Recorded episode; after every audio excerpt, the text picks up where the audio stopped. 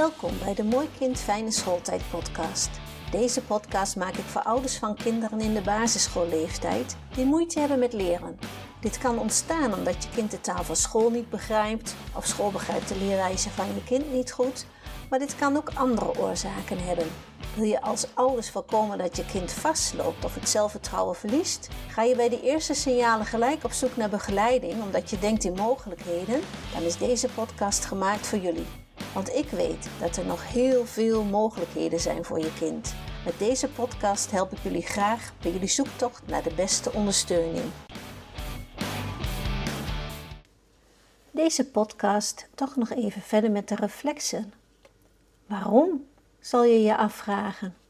Omdat ik niet vaak genoeg kan benadrukken welke leer- en ontwikkelingsproblemen er allemaal vandaan kunnen komen en hoe weinig hier nog aan gedacht wordt.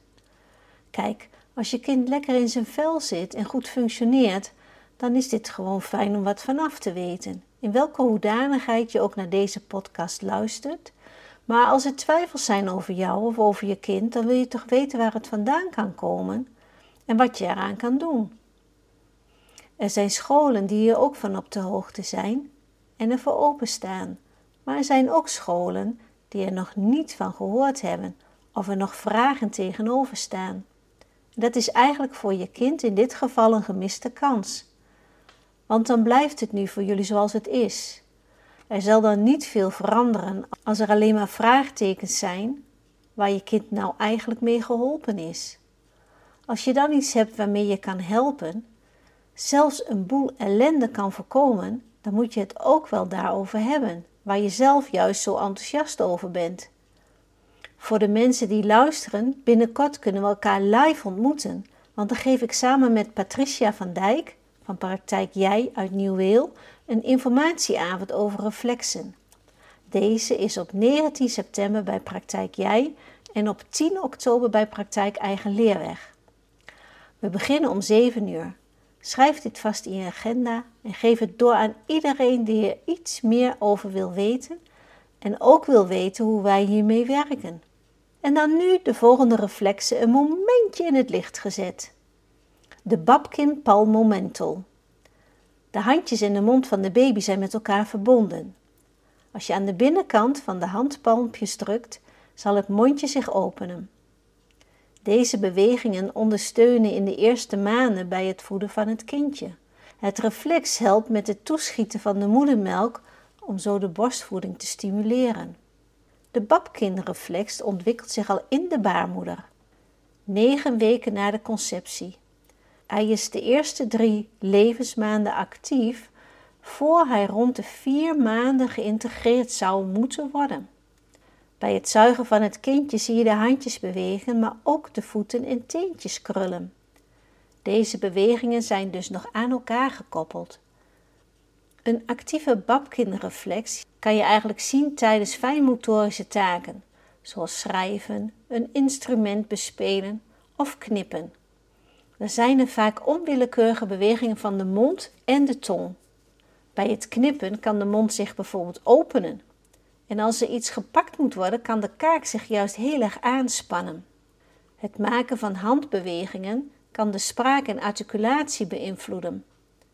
Andersom kunnen mondbewegingen als praten en eten ook invloed hebben op de handen. De kenmerken van deze reflex. Bij de motoriek zien we dat de oog-handcoördinatie zwak is. We hebben bijbewegingen van tong, mond of kaken, een verminderde fijne motoriek, slecht handschrift, verkrampte pengreep, moeilijk eten met bestek, lage spierspanning in de handen. De houding Vaak hebben ze strak gebalde vuisten, spanningen van de kaak en spanningen in het gezicht. Met de spraak hebben ze moeite met articulatie of vertraging in het spreken. En bij het gedrag hebben ze heel veel behoefte aan bijten op kleding of voorwerpen of nagels. Een grote zuigbehoefte op duim of speen of kleding, tandenknarsen, eetstoornissen en verslavingen zelfs. Dan gaan we naar de Bauer-Crawling reflex. De Bauer-Crawling reflex ontwikkelt zich tussen de 4 en 6 maanden. De ontwikkeling ervan is afhankelijk van een aantal reflexen die er voorkomen, zoals de ATNR en de spinaal geland. Het kindje is nu klaar om te rollen, tijgeren en kruipen en uiteindelijk te lopen. Deze reflex is van groot belang bij de ontwikkeling van motorische coördinatie en lateralisatie. De samenwerking tussen beide hersenhelften. Voor de ontwikkeling van de hogere vaardigheden is het cruciaal kruiselingse bewegingen te maken en de middenlijn van het lichaam over te kunnen steken.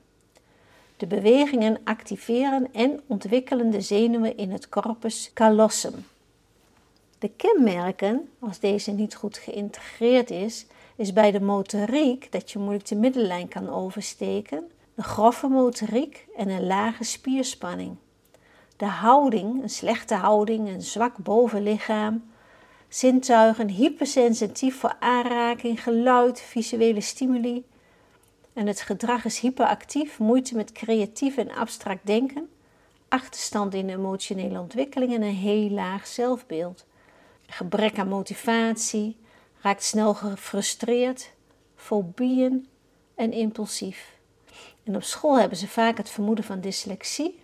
Het is ze hebben vaak een lage verwerkingssnelheid, moeite met begrijpend lezen en moeite met het verwoorden van gedachten. Bouwen crawling is eigenlijk de basis voor spraak en taal. Dan gaan we naar de bondingreflex. Deze geeft zowel fysiek als emotioneel het gevoel van veilig en beschermd zijn. Bonding is de integratie van het gevoel van een gecoördineerd lichaam en zijn bewegingen, emoties en gedachten. Deze reflex heeft een cruciale invloed op toekomstige fysieke en emotionele gevoelens van veiligheid en op de vorming van basisvertrouwen in de wereld. De kenmerken zijn bij de zintuigen meestal is de moro ook actief, wat zorgt voor hoge prikkelgevoeligheid. Het gedrag heel aanhankelijk naar vreemden en komt vaak voor bij adoptiekinderen of pleegkinderen. Dan gaan we naar de fair paralysis. De fair paralysis wordt letterlijk vertaald als het angstverlammingsreflex. Deze reflex ontstaat kort na de conceptie en zou ruim voor de geboorte geïntegreerd moeten zijn. Bij dreiging in de baarmoeder zullen het hoofd, de nek en het lijfje van de ongeboren baby bewegen. De belangrijkste primaire reflexen in tijden van stress zijn de fair paralysis en de moro-reflex.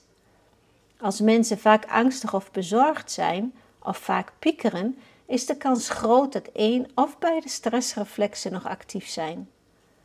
De fair paralysis wordt ook wel terugtrekreflex genoemd.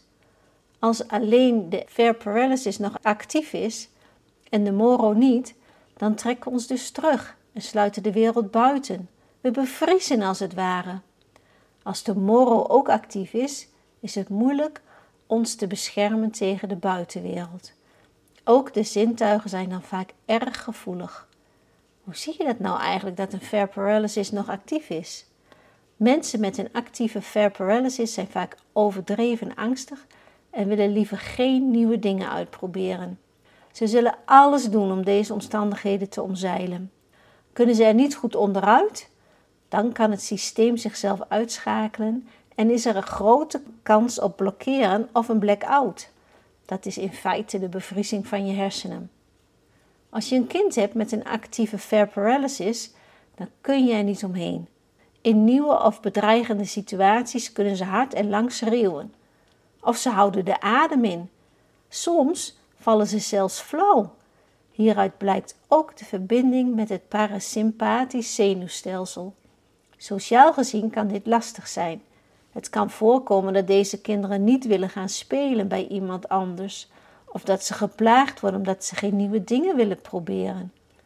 Op het moment van schrikken wordt het sympathisch zenuwstelsel geactiveerd door adrenaline.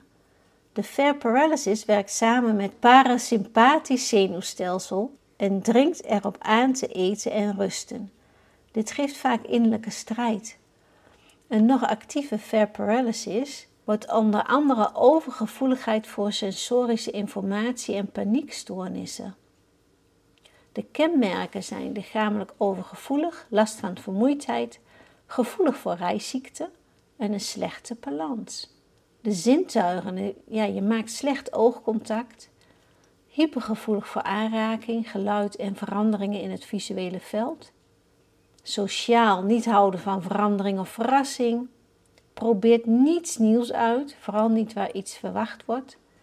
Extreme verlegenheid, lage stresstolerantie, onzekerheid, weinig zelfvertrouwen en erbij willen horen.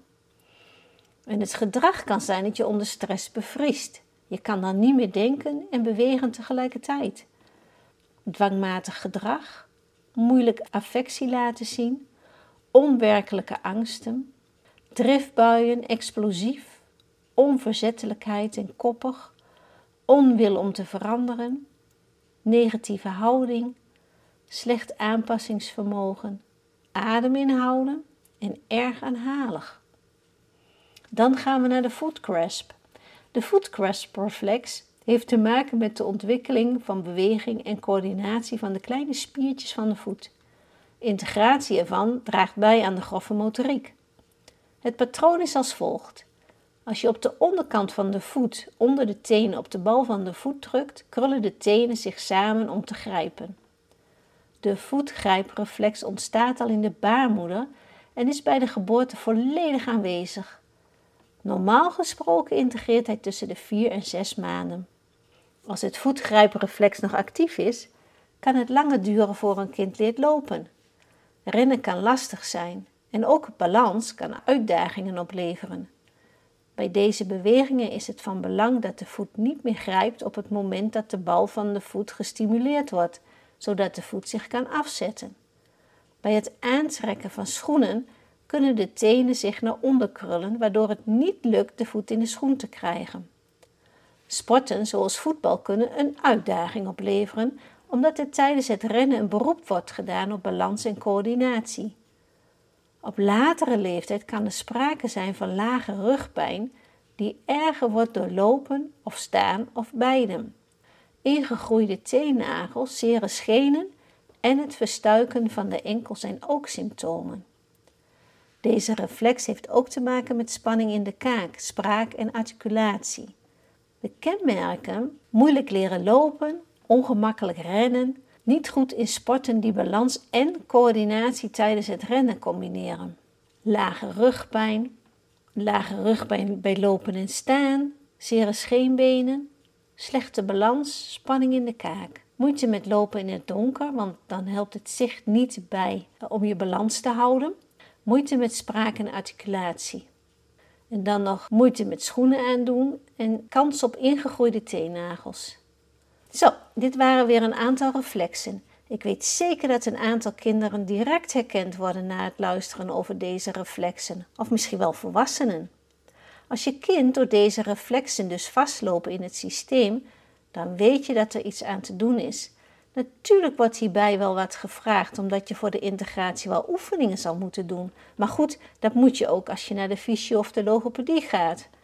Het lichaam en je brein hebben tijd nodig om te veranderen. Maar is dit proces eenmaal in gang gezet, dan zal je zien hoeveel makkelijker de dingen gaan. Bedankt weer voor het luisteren en tot de volgende keer. En vertel het voort.